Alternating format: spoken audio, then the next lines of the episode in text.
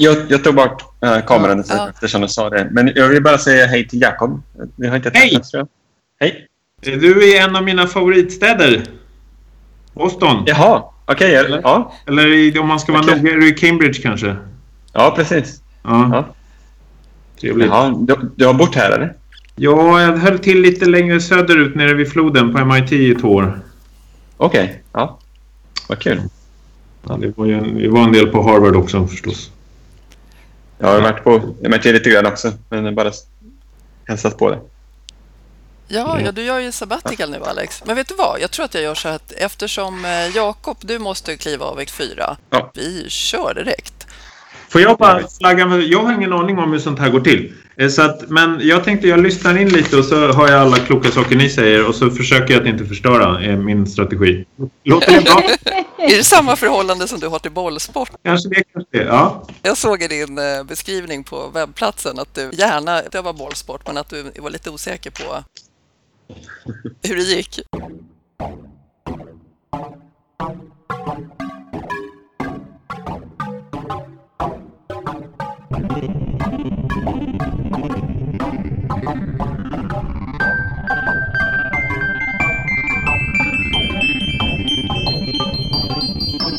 Hej och välkommen! Det här är Akademipodden, Sveriges Unga Akademis podcast som uppstår ibland och alltid, och nästan alltid, är tvärvetenskaplig.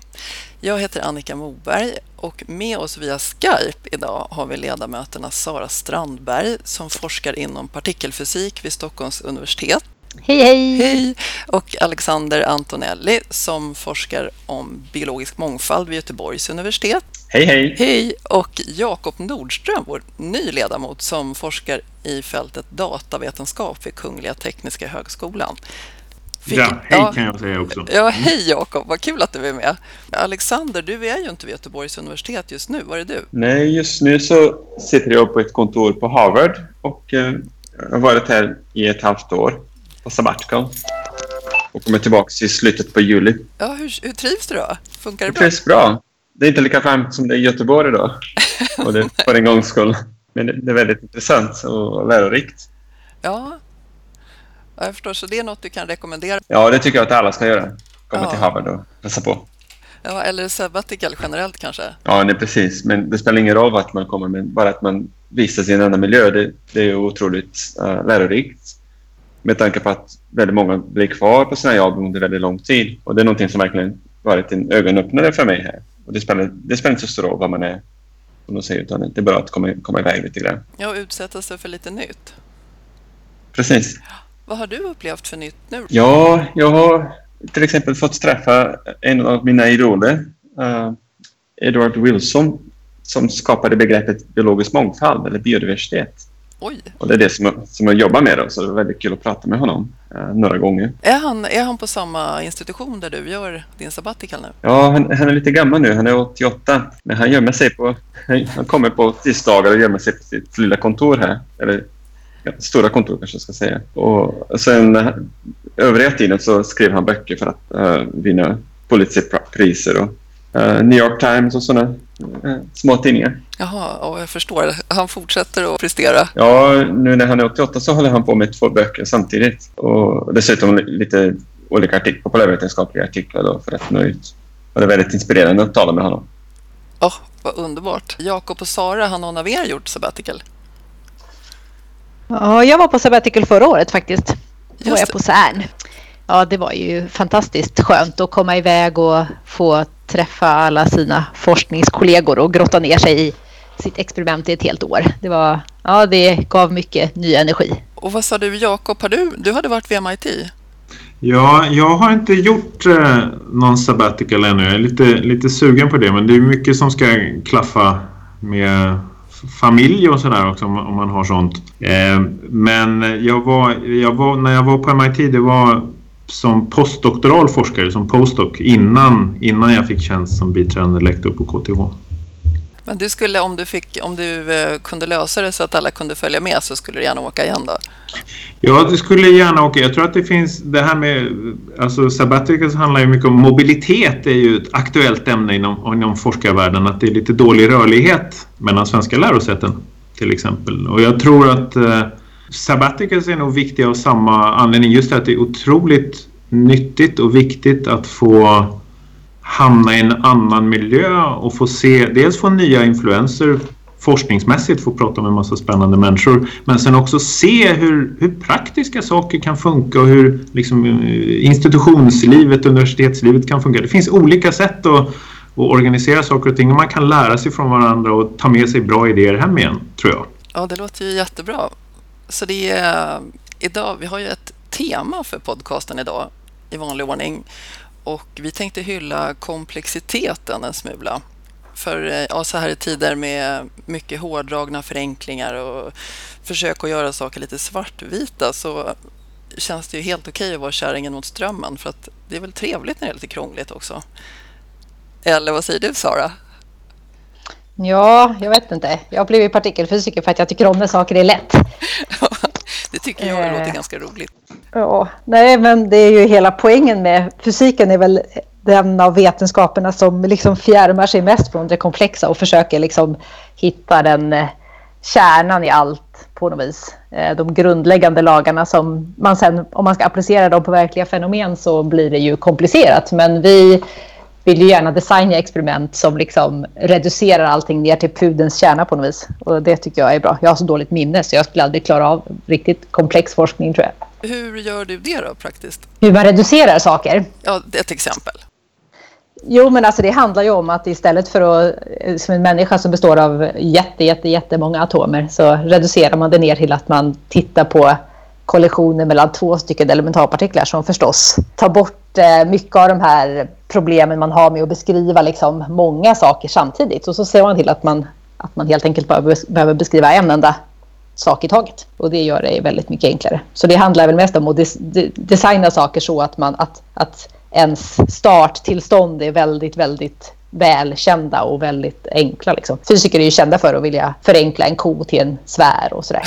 För att det ska bli så enkelt som möjligt att räkna på. Men det är stora samarbeten va? Ja, så är det ju. Och det har väl i och för sig inte så mycket att göra med att man reducerar saker ner till det enklaste utan att vi har kommit till en punkt i fysiken där vi måste studera det allra enklaste vid väldigt höga energier. Och det är väl de höga energierna som gör att det att vi behöver bygga stora maskiner och vara många som samarbetar. De höga energierna, hur då menar du? Nej, men de här partiklarna som vi krockar, det är inte det faktum att vi krockar två enskilda partiklar och har gjort det enkelt för oss på det viset. Det är inte det som gör att, det, att, det, att vi behöver mycket folk, utan det som gör att vi behöver mycket folk är att vi vill krocka de här partiklarna vid jätte, jättehöga energier. Att de ska röra sig väldigt, väldigt fort innan de krockar. Och därför blir hela projektet väldigt stort. Då behöver man ha stora maskiner som kan accelerera upp partiklarna till höga hastigheter och så. Men liknande experiment vid mycket lägre energier har ju vi ju utfört ända sedan 50-talet. Och på den tiden var, var det ju väldigt, då var det ju kanske grupper om tio personer eller så som gjorde det här. Så det är snarare energin än den grundläggande utformningen som gör att det blir komplicerat kan man väl säga. Eller ja, att det behövs mycket folk. Det är en fantastisk ingenjörkonst bakom LHC CERN. Det är det absolut. Den känns ju hyfsat komplex. Den känns hyfsat komplex och det är många bitar som ska passa ihop, så är det ju. Det är, det är ju liksom, dels så ska man ju ha flera tusen personer som ser till att, att själva acceleratorn, den som ger partiklarna sina höga hastigheter, att den fungerar och sen ska man ha väldigt många tusen fysiker som har byggt en detektor som ska kunna eh, studera det som skapas i kollektionerna. Och de här personerna ska dels kunna kommunicera med varandra och vad det gäller detektorn så var det ju olika grupper runt om på hela jorden som byggde de olika detektorbitarna och sen skulle de allihopa skeppas till, till CERN och sättas ihop till en enhet som skulle fungera. Och så där krävs det ju en otrolig samordning och vi även nu när vi analyserar datat och så där så är det ju, går ju en ganska ansenlig del av vår tid då till att kommunicera med varandra. Så även om man kan tycka att den fysiken vi gör har vi försökt att göra så enkel som möjligt så är det absolut så att för att kunna göra det här enkla så behöver man skapa sociala strukturer som är väldigt komplicerade. så är det absolut. Ja, men du gillar det, va? det här stora samarbetet? Ja, det gör jag absolut. Annars hade jag aldrig varit kvar. Eh, ja, nej, absolut, det gör jag. Det är för att jag gillar charmen i att alla behövs. Liksom. Att man får göra någonting tillsammans som är mycket större än, än vad man skulle kunna göra på egen hand tycker jag är, är fantastiskt. Det är liksom just den här känslan att, att, att vara beroende av andra människor på ett positivt sätt. Ja. Det gillar jag skarpt. Ja, otroligt. Alexander, komplexitet i ditt fält? Ja, det är lite komplicerat att förklara bara. Vi kan väl göra ett försök? ja, jag kan, kan försöka. Men det komplicerade för oss är ofta att kommunicera eh, biologisk mångfald. Och det, det som jag tycker är svårast ibland är att anpassa sig till den nivå som mottagaren kan ta emot information. Liksom. För att när jag pratar om biologisk mångfald så är det väldigt många som, som har några bilder som för upp i eh, ja, hjärnan då. Man tänker på fåglar eller man, på regnskogar. Men uh, precis som klimat där man inte kan liksom säga att två olika platser har samma eller annorlunda klimat eftersom det är så många variabler som ingår i det. Så det är både temperatur och, och det hur mycket det regnar och hur, mycket det, hur det här regnet fördelar sig över året. Så det är många olika parametrar som, gör att, som definierar klimat. Och det är samma sak med biologisk mångfald. Att där, har vi, där pratar man om eh, det som kallas för taxonomisk mångfald. Det vill säga bara antalet arter och genetisk mångfald och funktionell mångfald. Vad de här olika arterna gör för någonting. Och även ekosystem. Det kan vara eh, mångfald av, av olika ekosystem. Och komplexiteten ligger i att kommunicera på ett lättbegripligt sätt varför man ska till exempel ta hand om vissa områden extra noga jämfört med andra då, eftersom det finns så, så hög mångfald. Men det är lite kul för att när, när vi pratar nu och lyssnar på Sara så uh, har vi också en väldigt bra metafor som jag tycker är jättekul när man pratar om biologisk mångfald. Och det är just med det periodiska systemet att det är väldigt många som tror att man redan hittat alla arter på jorden. Men man kan också fundera på, eller tänka sig att arterna är väldigt lika atom, eller grundämnena i, i periodiska systemet. Så att man tänker sig att naturen är ett periodiskt system och varje atom då, eh, grundämne är en art. Så har vi ungefär 8 miljoner arter. Då. Och där ungefär 90 procent av de här är helt okända. Mm. Så att uppgiften ligger i att upptäcka alla de här grundämnena som, som, finns, som vi vet ska finnas då. Eftersom vi kan förutse dem. Om vi, när vi går till vissa ställen så kan vi mäta må, många nya arter som inte är beskrivna. Men vi vet inte vad de gör i, i ekosystemet. Och när man har atomnumret då på, på varje uh, vilka egenskaper varje atom har så är det också så att varje art har en uppgift i naturen. Och och de interagerar med andra arter och de kanske har olika tjänster som de förser oss människor eller ekosystemet med. Och alla de här egenskaperna är också helt okända. Så där finns en otroligt stor uh, uppgift framför oss uh, biologer då, att kunna beskriva den här stora mångfalden och även kunna kommunicera det till, till de som fattar beslut om vilka områden som ska sparas och på vilket sätt man ska ta hand om, om naturen. Då. Ja, då måste man bli väldigt konkret kan jag tänka mig. Ja, nej, precis. Och det, det får inte vara uh, stora tveksamheter och säga att man har olika parametrar utan man får vara ganska enkel. Och när jag pratar kanske med vissa personer så är det bara fråga om hur många arter det finns på olika ställen. Men det är lite mer än så. Det är, det är lite mer komplicerat än så. Ja. Får jag slänga in en fråga? Hur vet man att man inte har upptäckt 90 procent? Hur kan ni veta det eftersom ni inte har upptäckt dem? Man kan göra uppskattningar till exempel genom att åka till Amazonas och eh, identifiera varenda art på ett träd. Man kan hugga ner ett träd, eh, det är inte synd om det. Eller så kan man försöka ta alla organismer som finns utan att döda det förstås. Eh, och det kan man röka ihjäl små insekter som finns i trädkronan. Man kan samla allt som finns på, inuti eller runt omkring ett träd till exempel. Och då ser man att väldigt många av de här arterna i ett slumpmässigt, slumpmässigt valt eh, träd har aldrig tidigare hittats. Och då kan man göra extrapoleringar till hur många, liksom, om man skulle göra det här på många olika ställen, då, hur många arter skulle man finna i slutändan? Och det finns många sådana olika uppskattningar på, olika sätt som visar på att det är ungefär 80-90 procent av alla flercelliga organismer då, som fortfarande inte är kända. Mm. Det är framförallt sådana små bruna, till synes lite oansenliga arter då, men även ganska stora ibland. Varje gång jag åker ner till Sydamerika med mina kollegor då, så brukar vi hitta nya arter. Förra gången så var, hittade vi ett träd som var ungefär 15 meter högt och inte var känt tidigare för vetenskapen. Och det hittade vi första dagen vi var ute i fält. Mm. Vad fick det trädet heta? Det fick heta Cordiera montana i kaffefamiljen. Och min kollega Claes Persson som beskrev det. Ja, oh, vad kul! Jakob, du i ditt fält? Ja, precis. Du presenterade mig som forskare i datavetenskap. Um, och det är jag ju, teoretisk datavetenskap. Men vill man vara ännu mer precis så är det mitt specialområde som jag forskar inom heter faktiskt eh, beräkningskomplexitet eller komplexitetsteori. Så jag tycker mycket om komplexitet. För det är ju det som, som gör att jag kan få min lön. Härligt. Eh, men jag tror att alltså, matematiken är nog nära besläktad med, med fysiken på det sättet att, för det här är matematisk forskning, även om vi fokuserar på, på datorer och, och vad datorer har för sig.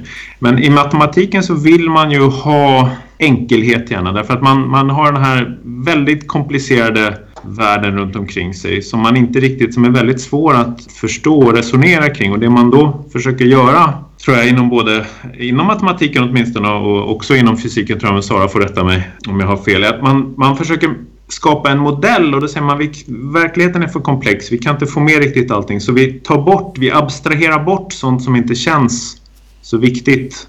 Och men vi hoppas att vi får med det viktigaste. Och då får man en förenklad modell där man hoppas att man har destillerat ut allt det väsentliga. Och då kan man säga, då är det tillräckligt enkelt för att vi ska kunna använda våra matematiska verktyg. Och sen försöker man visa då olika matematiska samband eller matematiska satser som det heter. Och där vill man gärna se så här enkla, eleganta, vackra samband mellan, mellan olika typer av, av eh, matematiska fenomen. Ja, får man det, det Ja, alltså ibland, för det här är ju en spänning då därför att å andra sidan verkligheten är ju komplex så den vill ju inte alltid eh, samarbeta. Och så komplexiteten i vårt område kommer ifrån, jag försöker begripa mig på datorer och, och datorberäkningar när vi vill lösa olika typer av problem. Hur svårt blir det? Kan man, kan man använda datorer för att räkna fram lösningar snabbt eller, eller verkar det svårt?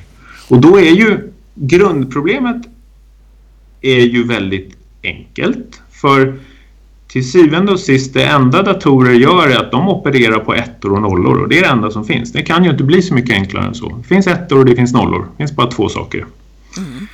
Men, men sen kan de här ettorna och nollorna ju kombineras i olika mönster och då blir det komplext. Och det kan vi ju se bara på att om man bara tittar på, på internet är ju, och den enorma komplexitet som finns där och all den information som finns där. Det är ju bara ettor och nollor. Så väldigt enkla byggstenar kan, kan skapa väldigt komplexa samband. Och då en fråga som vi är intresserade av till exempel då är kan man på något vis bemästra den här komplexiteten? Till exempel om man nu har den här jättestora datamängden som internet är, kan vi snabbt söka fram information där? Kan vi sortera fram det vi är intresserade av? Och då är det ju fantastiskt också att det vet vi alla att vi kan för vi använder alla sökmotorer. Och trots att internet är ohyggligt stort så använder man sin favoritsökmotor och så bara på någon tiondel sekund så har den hittat vad man letar efter. Så just när det gäller sökning och sortering så har vi tagit fram metoder eller så kallade algoritmer som på något sätt kan bemästra den här komplexiteten oerhört effektivt. Men sen finns det andra typer av problem som verkar på ytan kanske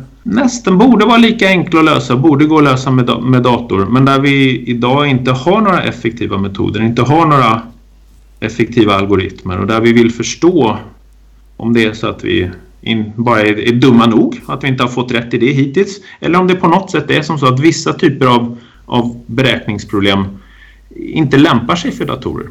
Att det, det, är svårt att lösa dem med dator helt enkelt. Vad skulle det vara för problem till exempel? Ja, ett problem eh, som är ganska känt och som är enkelt att förklara kanske. Det kallas för handelsresandes problem. Ehm, så det, man tänker sig att man har en handelsresande som vill resa runt till ett antal städer i Sverige kanske, säg tio städer. Ehm, men så vill man ju spara så mycket pengar som möjligt. Så man vill ha en rutt som besöker varje stad en gång men man vill att det ska gå åt så lite bensin som möjligt. Så man vill ha den kortaste rutten. Så det, det, om man ska nu beskriva det här som ett matematiskt beräkningsproblem så får man alltså ett antal punkter på en karta och så ska jag tala om i vilken ordning ska jag åka till de här ställena på kartan så att totala rutten blir så kort som möjligt. Mm.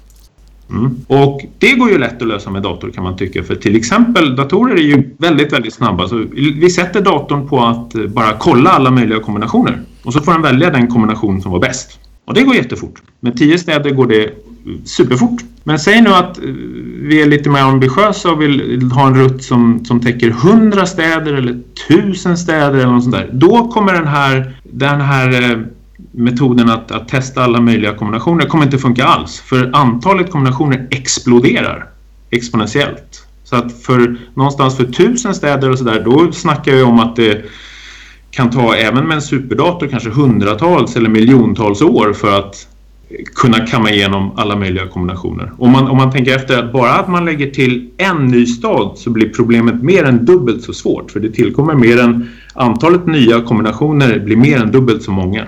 Det är alltså en exponentiell tillväxt i komplexiteten. Hmm. Och där vet vi inte idag om man vill ha, om jag har det problemet och så vill jag ha en, en eh, datoralgoritm då som, som effektivt räknar fram den allra bästa rutten. Några sådana effektiva algoritmer eh, finns inte idag. Och det är frågan om det ens går att göra är en av de stora öppna frågorna i den moderna matematiken. Det är en av de sju berömda millennieproblemen eh, som, som eh, valdes ut av Clay Mathematics Institute runt millennieskiftet när de ville välja sju problem som är, som är stora utmaningar för den eh, moderna matematiken. Då är ett av de problemen, det är inte formulerat så, men det kan faktiskt beskrivas som att det är faktiskt frågan om det här handelsresandesproblemet kan lösas effektivt med dator eller inte. Mm-hmm. Och löser man det problemet då kan man bli en miljon dollar rikare för det är prissumman för att klura ut huruvida det finns en effektiv algoritm för det här eller inte. Så du funderar en hel del på det här nu då?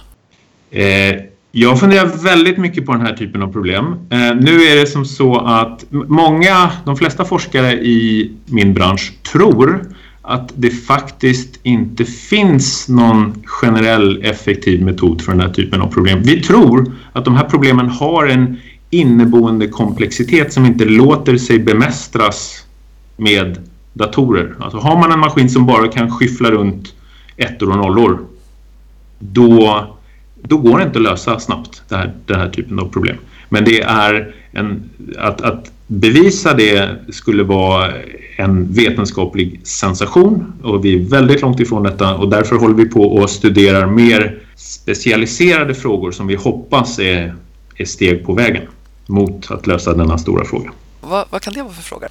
Ja, det kan vara till exempel att man det man ofta gör, så, så, vad gör man inom matematiken när man inte kan lösa ett problem? Jo, då tittar man på problemet. Man har ju redan förenklat det för att få till en matematisk modell där man kan beskriva sitt problem. Men nu var det här handelsresandets problem var för svårt, visar sig då för den här modellen. Då gör vi så att då förenklar vi ännu lite till tills vi får ett problem som är enkelt nog så att det faktiskt går att lösa. Och då kan man till exempel säga eh, inte titta på datorprogram generellt utan man kan titta på ja, men om jag har ett datorprogram och så använder det vissa typer, jag får bara använda vissa typer av metoder så att jag på något vis begränsar den repertoar av olika, olika metoder jag angriper problemet med. Så att och så kan man kanske bevisa att ja, men om jag lovar att datorn bara kommer göra den här typen av operationer, kan jag då bevisa att det är svårt åtminstone? Så att man, då, får man inte, då har man inte visat att det är svårt för, för alla typer av datorer, men man kan kanske visa att för vissa typer av metoder, för vissa typer av algoritmer, så kommer det vara svårt. En annan möjlighet som man kan göra är att man kan förändra problemet lite grann. Och så kan man säga, för det här handelsresandes problem, det är ett problem som faktiskt är väldigt eh, aktuellt Eh, ute i industrin. Det är någonting som, som de stora fraktföretagen löser varje dag i princip. Så vad gör de? Jag har just sagt att det här problemet inte går att lösa med dator och ändå levererar de paket varje dag. Vad, vad gör de? Jo, då säger man så här, ja men vi kanske inte behöver den bästa lösningen. Kanske det räcker med en lösning som är kanske inom 10% från den optimala lösningen.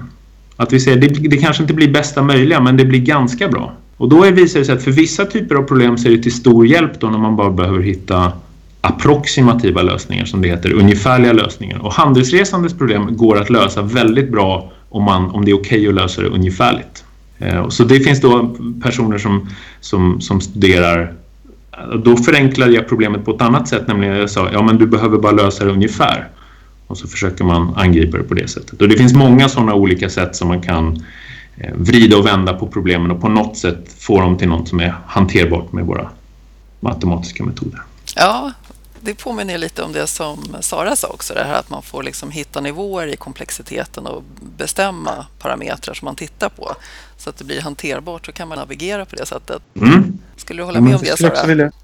Ja, absolut. Vi har ju, eh, om jag får ta ett exempel från mitt fält, så jag letar ju just nu efter eh, möjliga supersymmetriska partiklar som det så fint heter. Så man tänker sig helt enkelt att man gör världen mycket mer komplex än vad den verkar vara nu. Så att man, vi har en massa partiklar som vi känner till, som vi vet finns. Och sen så tänker vi oss att det finns en massa ytterligare partiklar som är supersymmetriska partiklar. Och den här teorin, den här supersymmetriska teorin då som vi försöker testa huruvida den är sann eller inte. Den har ju så mycket som 120 fria parametrar. Så det betyder alltså att alltså man tänker sig att man har ett papper med två axlar och en x och en y-axel och sen så kan man tänka sig att varje prick på det här pappret är någon sorts modell. Så är det i vårat fall så då att vi har ett, vi har 120 olika axlar då som definierar eh, olika prickar. Så man kan ändra på 120 olika saker och få olika modeller. Så det är ett otroligt stort parameterrum som är, helt, som är jätte, jättesvårt och alltså det är omöjligt att söka igenom alla de punkterna. Så det man får göra då är att man får göra olika gissningar och man tänker så här okej okay, men de här 80 parametrarna de kan vi kanske anta har de här värdena för att eh, på grund av de här, de här rimliga liksom,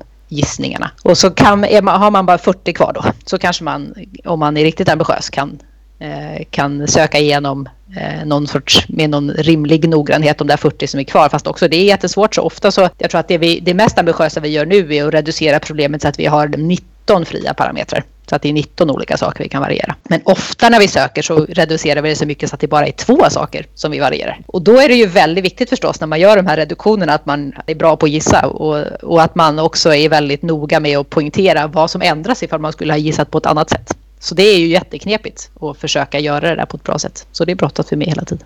Vad sa du någonting Alex? Ja, det, det är så intressant att lyssna på det här för att det, det finns så många paralleller till biologin också. Då. Och till exempel så, så känner jag att just det här att kunna räkna den optimala vägen fram till ett, eh, ett mål då. Det är någonting som vi gör ganska mycket för att uppskatta släktskapet mellan olika arter. Att äh, beräkna släktskapsträd då, förhållandet mellan olika arter. Och det är någonting som biologerna körde fast på i, i slutet på 80-90-talet kan man säga. Tills man sen tog hjälp av andra vetenskapsfält. Och det är någonting som jag ser blir mer och mer vanligt att när man kör fast på en lösning att man inte tycker att man kommer vidare så, så kan man få ganska intressanta eh, lösningar från helt andra fält. Då.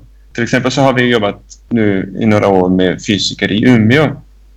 Några kollegor som jobbar med komplexa system och nätverksteori som beskriver hur informationsflödet sker mellan olika punkter. Och det har vi då applicerat för att kunna förstå stora sammanhang vad gäller biologisk mångfald och hur den fördelas över jorden. Då. Vilka, vilka naturliga områden det finns, eh, till exempel regnskogar och savanner. Och det är något som varit väldigt svårt att, att lösa på ett, på ett annat sätt. Så det, det, det, är lite kul ibland när man så, som i, i Sveriges Unga Akademi, då, att man kan sitta och lyssna och prata med andra som kanske har liknande problem fast ja, helt, helt andra lösningar eller helt andra sätt att se på det. Så jag tror att vi kan berika varandra ganska mycket genom att kunna samtala tvärs över vetenskapsfälten. Där känner jag att jag vill få, få bryta in bara, för det här med släktträd tycker jag är, är spännande. Jag tror att det, om jag har förstått det rätt, då får du Eh, rätt om jag har fel, men det är att man har, vi har till exempel säg ett antal arter idag och så kan man titta kanske på deras DNA och så vill man räkna ut hur de har utvecklats från någon slags gemensam eh, urfader eller något sånt där. Är det typ den, den typen av frågor du tänker på? Precis, och det är det som vi jobbar ganska mycket med. Då. Så vi kan ta fram DNA eh, från hundratals eller kanske tusentals olika arter och försöka uppskatta just deras släktskap. Då. För det är spännande. Ja. Förlåt, fortsätt. Har vi, vi, har verkligen gått ifrån det här att önskan som vi hade att hitta ett enda träd. Utan nu så jobbar man mycket med att ja, de här hundra träden, där tror vi att lösningen, sanningen någonstans mellan de här hundra olika träden. Då. Precis som du sa Jakob, man har hittat lösningar som är ungefärliga som återspeglar verkligheten istället för att hitta det enda uh, möjliga lösningen. Det som är så spännande här är, det är kanske inte uppenbart men men om man beskriver det här som att man har ett antal DNA från ett antal arter, det är ju också kan faktiskt beskrivas som ettor och nollor och så vill man ha ut ett släktträd som förklarar det på ett bra sätt. Det är faktiskt en annan typ av beräkningsproblem. Den typ av beräkningsproblem vi studerar. Så jag har kollegor på, inte just här på samma våningsplan, men på ett annat ställe på KTH som håller på med någonting som kallas för beräkningsbiologi där man bland annat studerar sådana här frågor. Och det visar sig då att om någon en vacker dag kan komma fram till en supereffektiv algoritm för att lösa det här handelsresandes problem som jag pratade om förut, då kan man använda samma metod för att beräkna bra släktträd. Mm. Det är en matematisk sats som är väldigt känd från, från eh, ja, 70-talet egentligen. Och det finns också, och det visar sig en annan beräkningsfråga som har koppling till, till biologin är till exempel, säg att jag har en proteinsekvens. Då säger mig det, det säger mig inte biologiskt tillräckligt mycket för jag vill visa hur, hur proteinet, jag måste veta hur det viker sig och, och krullar runt sig i rummet också. Och det gör det på något sätt för att minimera energin i sitt tillstånd. Och då kan man återigen göra ett beräkningsproblem och säger man Givet den här sekvensen, hur kommer proteinet vika sig för att hitta en bra konfiguration? Det är också ett beräkningsproblem som man kan representera med ettor och nollor. Och det är också ett svårt utmanande problem och det visar sig att om jag kan lösa handelsresandes problem på något sätt eller beräkna släkträtt på något bra sätt, då kan jag också lösa proteinvikningsproblemet. De, så att de här problemen, trots att de ser helt annorlunda ut, så är de i matematisk mening väldigt nära besläktade problem. Eh, vilket jag tycker är, är jättespännande. Och då kan man också se att uppenbarligen så det finns saker och ting som, som datorer inte kan göra så bra men som andra typer av beräkningsmaskiner kan lösa effektivt. För människokroppen är ju en väldigt duktig beräkningsmaskin när det gäller det där med proteinvikning. Alla våra proteiner som vi har, de viker sig ju alldeles utmärkt själva på något sätt och hittar den där bra konfigurationen som är svår att räkna fram med dator. Ja, otroligt. Vi har bra hårdvara. Jo, men visst så är det ju. Och det finns ju andra, för det vet vi också om man tittar på, på artificiell intelligens som är, som är i ropet idag. Vår hårdvara för det här med att till exempel se och kunna tolka bilder eh, är ju fortfarande oerhört mycket bättre än, än, än vad datorerna klarar av. Även om de håller på att komma ikapp. Men det är fortfarande som så att det mänskliga ögat och den mänskliga hjärnan är, är liksom oerhört duktig på, på den typen av, av beräkningar. Eh, som, som eh, är väldigt svåra att göra för dator. Men sen finns det också det finns andra eh, möjliga datormodeller som man skulle kunna tänka sig eh, där problemen kan bli lättare. Vissa typer av de här svåra kombinatoriska problemen som de kallas, som är den typen av problem jag beskrivit nu, vet man att om vi en vacker dag skulle kunna bygga fungerande kvantdatorer som, som använder den här kvantfysikens underliga lagar då, då finns det teoretiska matematiska satser som säger att den beräkningsmodellen är mycket mer kraftfull än, tror vi, än, än vad de här klassiska digitala 01-datorerna kan göra som vi har idag.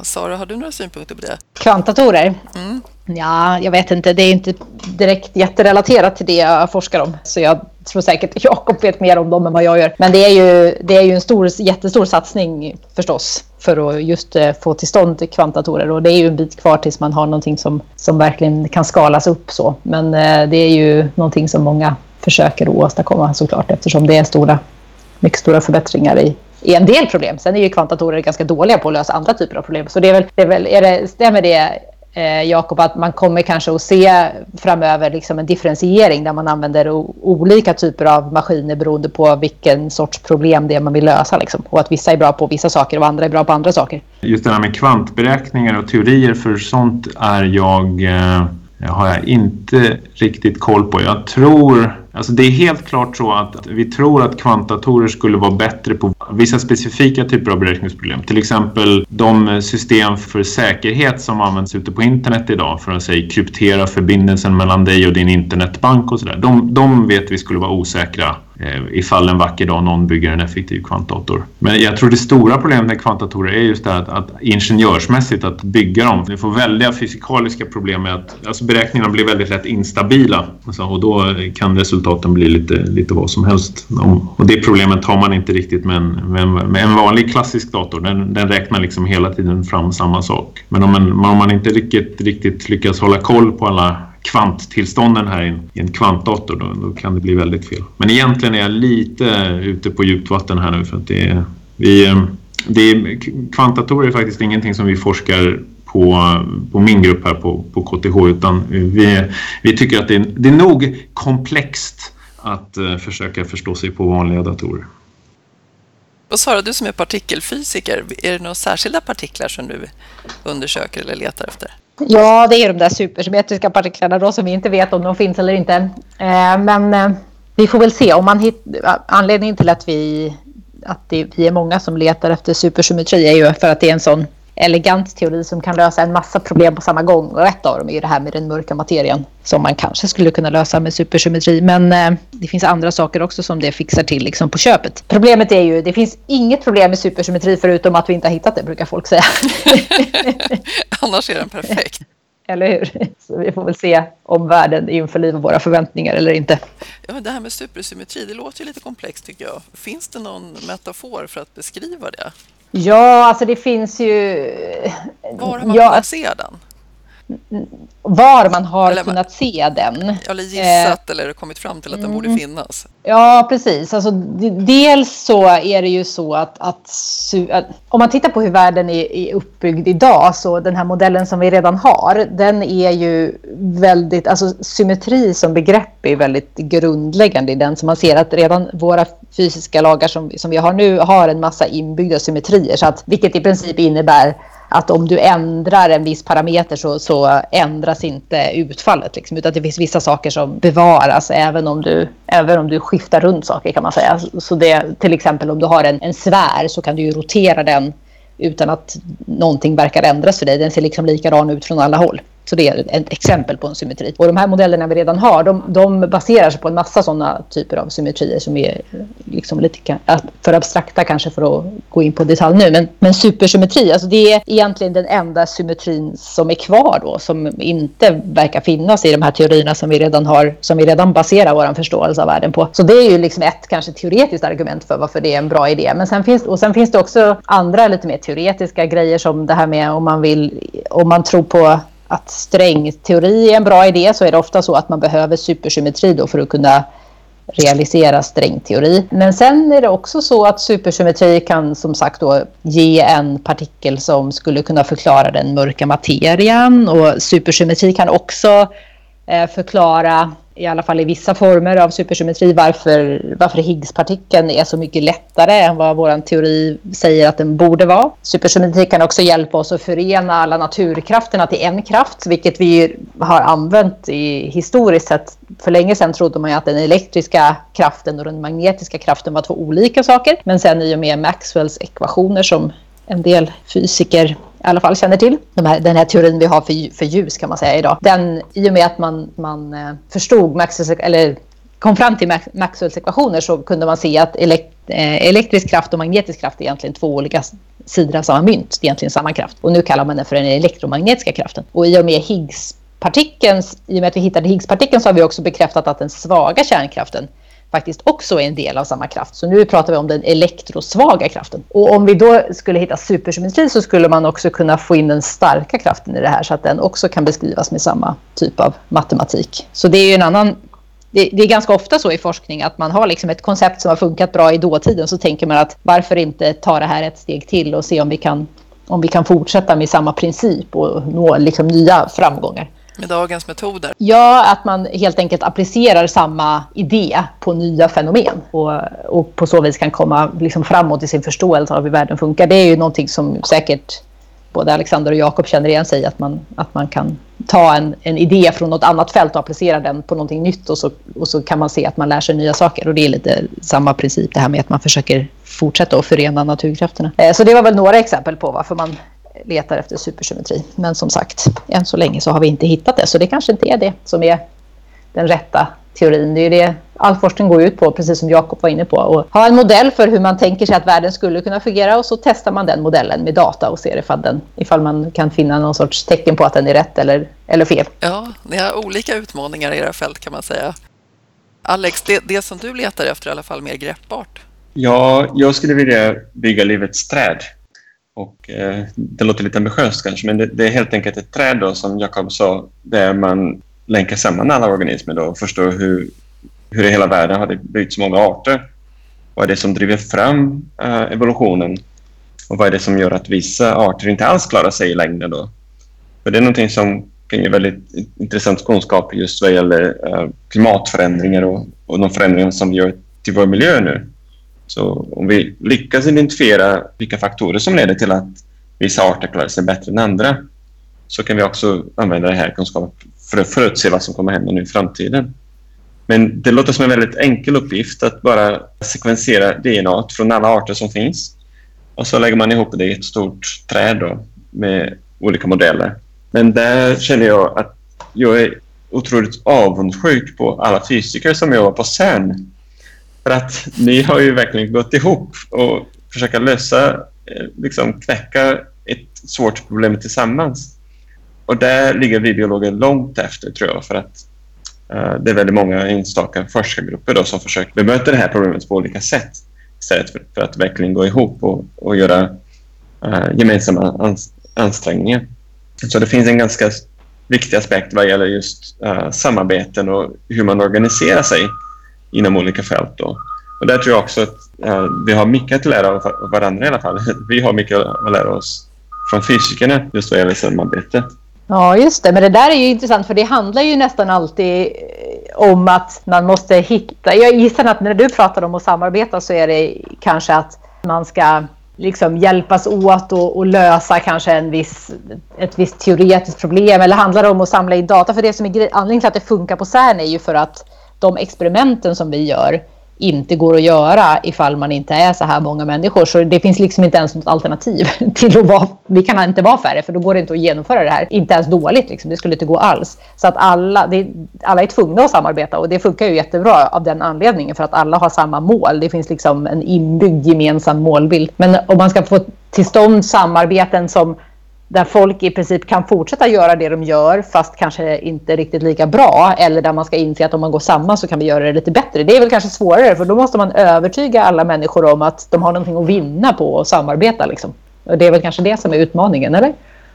Ja, men precis. Att äh, balansera det här egen nytta då och då tänker jag mycket på vetenskapliga publikationer där jag ofta ser äh, nyfiken som publicerar med kanske hundra andra författare på samma Eh, artikel i högrankade tidskrifter. Medan det är något som är väldigt vanligt men börjar komma mer och mer nu i biologin. Då, att man verkligen eh, koordinerar större satsningar för att kunna lösa ett gemensamt problem. Och precis som du säger så finns det inte en, en enda infrastruktur som vi kan kretsa kring. Och det är kanske också är anledningen till att det är så splittrat, eh, till exempel mellan Europa och Nordamerika. Och det är något som man märker väldigt mycket här, att det är väldigt få amerikanska biologer som regelbundet besöker europeiska konferenser till exempel. Då. Och uh, det är kanske lite fler europeer som kommer hit men det är också uh, det, det, det, känns som att det är ett stort hav mellan oss på något sätt. Ja. Det är det ju också. Ja, det är det.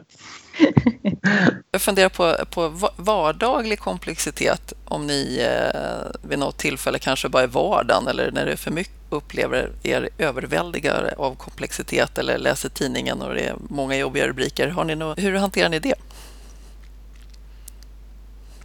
Gud, jag, jag, hoppas att någon annan börjar prata nu för jag blev helt ställd nu måste jag tänka. ja, Jakob, du som har mest bråttom. Ja, eh, ja, precis. Jag hanterar ju mitt, mitt komplexa schema idag. Eh, nej, jag önskar att jag hade som, som, som um, lektor inom komplexitetsteori så borde jag vara expert på sånt här. Men jag, jag känner ju att eh, i min dagliga verksamhet med, med att uh, hantera alla möten och all e-post och så ta hand om ett antal doktorander och ett antal postdoktorala forskare och, och en massa möten och sådär. Det är, det är ganska mycket kaos faktiskt. Ja, det är det. Man får kaosnavigera helt enkelt. Ja, precis. Men det är någonstans där i, i, i all denna komplexitet så, så föds det ibland bra idéer som, som, som leder till spännande forskning. Men det är, jag skulle nog önska att jag hade bättre grepp om tillvaron än jag har. Ja, mer forskningstid kanske?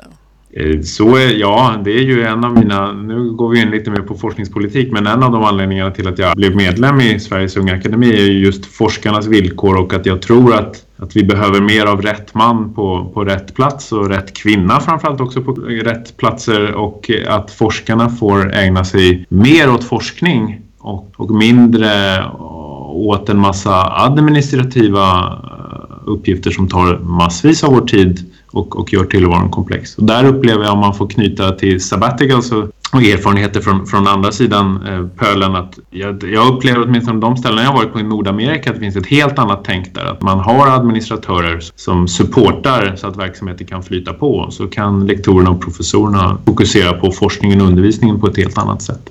Och det känner jag igen att flera ledamöter har, har berättat om. Absolut, det känns igen. Nu kan jag få ett utmärkt exempel på vardaglig komplexitet och jag inser att det måste vara någon sorts reducerad variant av handelsresandes problem, eller hur Jakob? För jag är en obotlig tidsoptimist så jag är alltid ute i sista sekunden och sen så ska jag ta mig från punkt A till punkt B på kortast möjliga tid.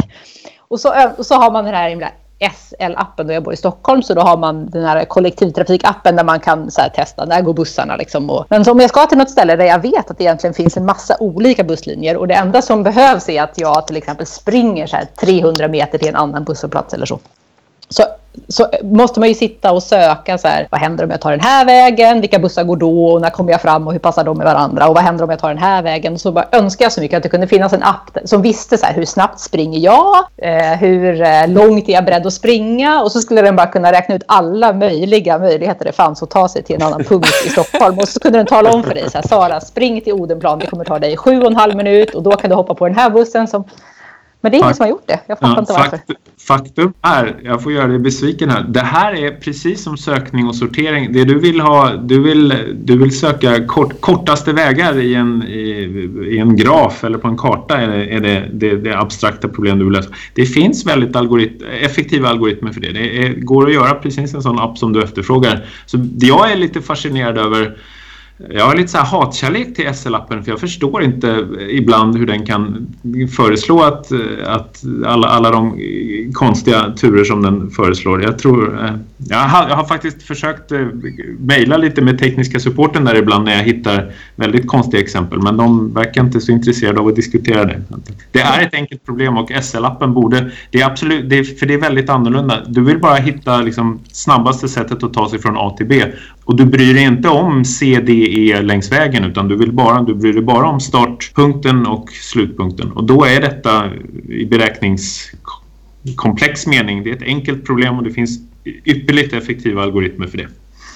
Vi, får, vi får slå våra kloka huvuden ihop och utmanövrera SL-appen. Ja.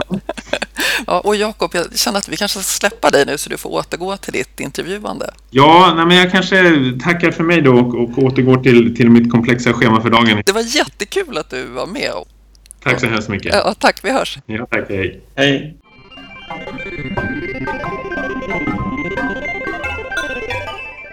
Det är bra med biologisk just mångfald eller komplexitet. Varför behöver man fler arter? Varför är det dåligt när man till exempel bara odlar en sak? Ja, det är lite tråkigt att behöva försvara det eftersom det är så självklart för mig. Men jag förstår att det inte är så för alla. Eh, men det, är, det, finns olika sätt att se på det. För att dels så kan man se utifrån sitt eget perspektiv och vi som människor vi utvecklades i en ganska artrik miljö eh, i Afrika där, vi hade tillgång till olika sorters frukter och olika sorters träd för att kunna bygga eh, våra bostäder, liksom, våra, våra hinder. Och vi hade olika, olika djur för att jaga och vi hade alltid den här variationen då, som gav oss olika näringsämnen och olika födoval olika tider på året. Och det är någonting som vi, vi har med oss, det, liksom, det sitter i ryggmärgen. Uh, och det här bara utifrån ett eget perspektiv förstås. Det finns all, alla möjliga olika mediciner som kommer från olika naturläkemedel.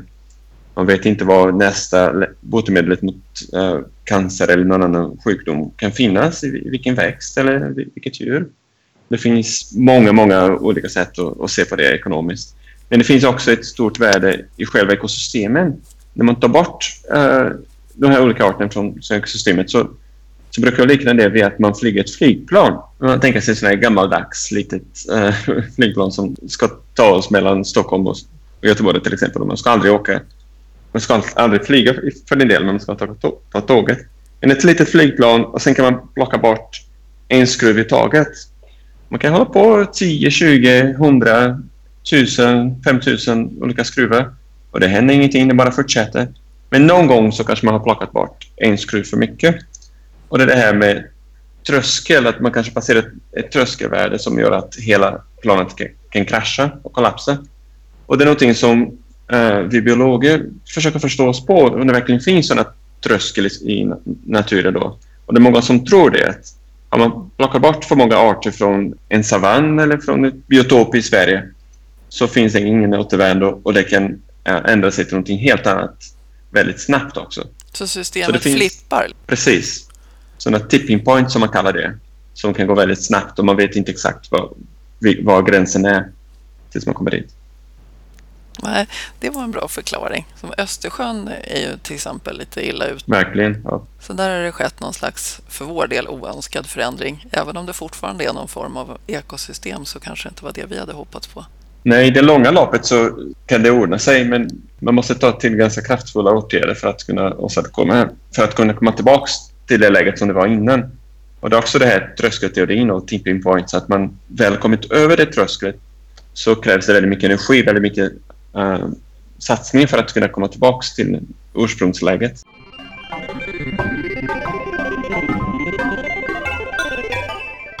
Ja, hörni ni, komplexitet. Man kan väl säga att ni försöker att hitta enkelheter som metoder i er forskning för att kunna bedriva den på ett bra sätt. Så även om vi gillar komplexitet så är det viktigt att hitta nivåer i det som gör att det blir hanterbart. Ja, precis. Det gäller att, eh, för någon som, är, som gör mätningar så gäller det ju att hitta någonting som är tillräckligt enkelt för att man ska kunna lista ut vad man borde mäta och sen kunna mäta det. Kan man inte göra det så, i alla fall i mitt fält, så, så, har man inte, så blir det svårt att komma framåt. Så det är det. Det handlar om att reducera världen till någonting som, som man kan testa och begripa sig på. Men om man ser till till exempel eh, enklare journalistik, där försöker man ju söka enkla svar och snabbt förklara saker och ting. Jag tycker ja. det är väldigt spännande att informationen kan uh, spridas så snabbt och nå så många. Problemet ligger förstås i att när man reducerar komplexa problem till väldigt enkla uh, liksom, meningar som man läser på Facebook eller på uh, olika sociala medier så, så innebär det också dels att människor kanske inte alltid får det djupet som behövs för att verkligen förstå det. Men samtidigt ska man inte bara klaga på det utan jag tycker man ska se det som en möjlighet att verkligen kunna nå ut med färska forskningsresultat och intressanta vinklar på ett lättbegripligt sätt. Det är inte så att alla ska kunna sitta och gå igenom en, en artikel på tio sidor i en vetenskaplig tidskrift och förstå, förstå vad det står där. Utan många goda idéer kan uttryckas på ett väldigt enkelt sätt. Och Det är också någonting som kanske kan påverka människors liv då, när, när de förstår någonting nytt. Så det tycker jag är spännande. Då tror jag vi ska ta och runda av. Vad känner ni? Ja, vi eh, kanske får återgå till vår forskning så att vi kan attackera lite mer komplexa problem imorgon än vad vi har gjort idag. Ja. Klockan då, jag ska bara berätta lite om vad som är på gång i akademin. Eh, strax så kommer vi att utannonsera nästa omgång av For Women in Science-priset. Eh, vi är på plats i Almedalen och I augusti så är det åter dags för Sommarforskarskolan Forskarmöten. Eh, och vi ser jättemycket fram emot det. Följ gärna Unga Akademin på Twitter som Unga Akademin och på Facebook som Sveriges Unga Akademi. Varmt tack ni som lyssnar och Alex och Sara. Ja, hej då! Hej då! Hej då!